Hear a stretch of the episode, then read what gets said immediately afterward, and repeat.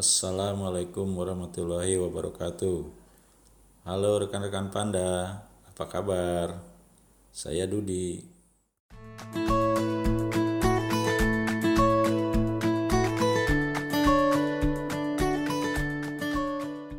Tanggal 28 November di Indonesia biasanya kita memperingati Hari Menanam Pohon Indonesia dan biasanya dilakukan seremonial penanaman pohon di kawasan yang kritis atau lahan-lahan terlantar.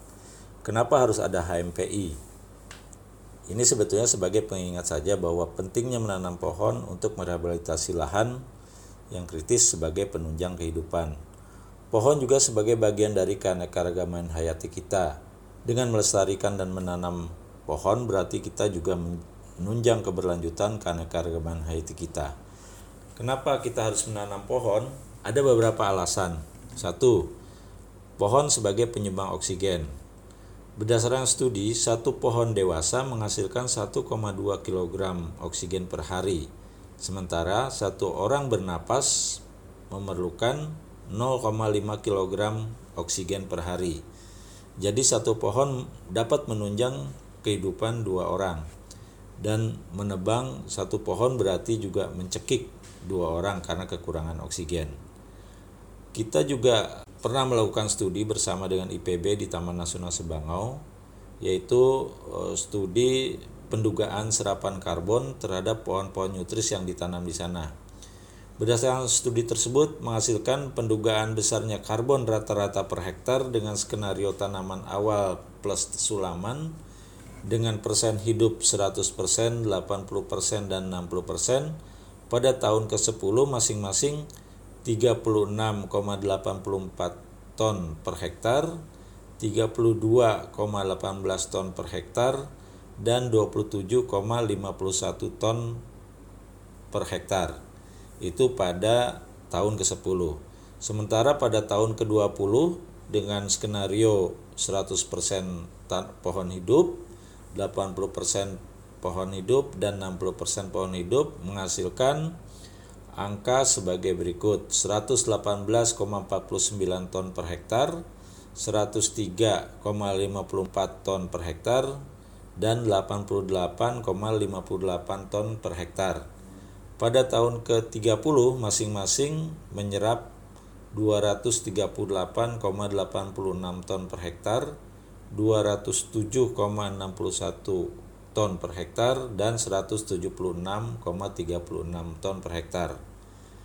Pohon juga sebagai faktor penting dalam proses penyimpanan air tanah, yaitu dengan cara mencegah terjadinya kekeringan saat musim kemarau. Selain itu, akar pohon berfungsi untuk menyerap air ke tanah, mengikat butir-butir tanah, dan mengikat air di pori tanah. Ketiga, pohon sebagai pengurang polusi.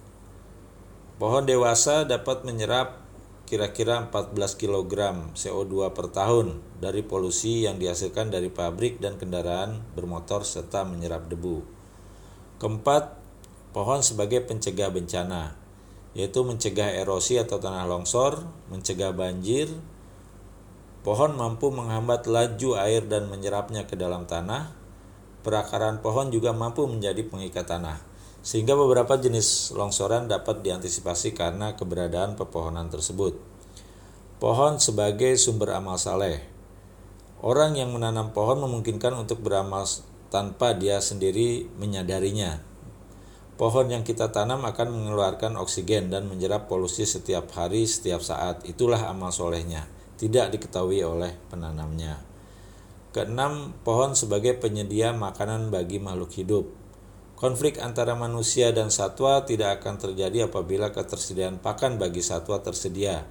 Sebagai kasus banyak terjadi konflik gajah dan manusia di Sumatera. Ini karena perebutan lahan, perebutan pakan antara manusia dan gajah.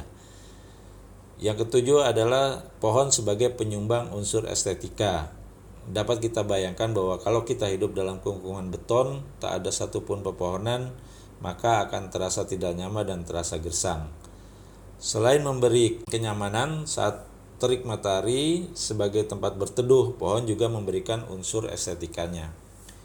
Di dalam Islam, perintah untuk menanam pohon ini sangat jelas berdasarkan sabda Rasulullah SAW berdasarkan hadis riwayat Muslim yang artinya tidaklah seorang muslim menanam satu buah pohon kemudian dari pohon tersebut buahnya dimakan oleh binatang buas atau burung atau yang lainnya kecuali ia memperoleh pahala. Dan hadis riwayat Ahmad yang artinya jika hari kiamat telah datang sedang di tangan salah seorang di antara kalian terdapat bibit pohon kurma atau tanaman maka jika dia mampu untuk tidak berdiri seraya menanamnya maka lakukanlah jadi begitu pentingnya menanam pohon dalam ajaran Islam kemudian apa yang dapat kita lakukan sebagai komunitas panda staf WWF eh, salah satunya adalah menghemat penggunaan kertas. Kita tahu bahwa kertas dibuat dari serat pohon ya, serat selulosa dari pohon. Dengan melakukan konversi penggunaan kertas sehari-hari di kantor dengan menanam pohon. Gimana caranya? Nah, Nutris telah membuat tool untuk mengkonversi penggunaan kertas menjadi jumlah pohon yang harus ditanam. Untuk jelasnya silakan buka tools tersebut di paper.nutris.org. Kemudian yang dapat dilakukan yang lainnya adalah melakukan carbon offset. Kita tahu bahwa mobilitas kita menggunakan kendaraan bermotor maupun pesawat terbang sangat tinggi. Pernah nggak kita menghitung berapa besar carbon footprint yang dihasilkan? Ini sebetulnya bisa kita hitung dan lakukan offset dengan menanam pohon. Ada beberapa tools yang dapat kita gunakan untuk menghitung carbon footprint ini dan sekaligus melakukan offset dengan menanam sejumlah pohon. Kira-kira demikianlah yang bisa saya sampaikan. Selamat Hari Menanam Pohon Indonesia dan selamat bulan menanam yang biasanya dilakukan sepanjang bulan Desember. Waalaikumsalam warahmatullahi wabarakatuh.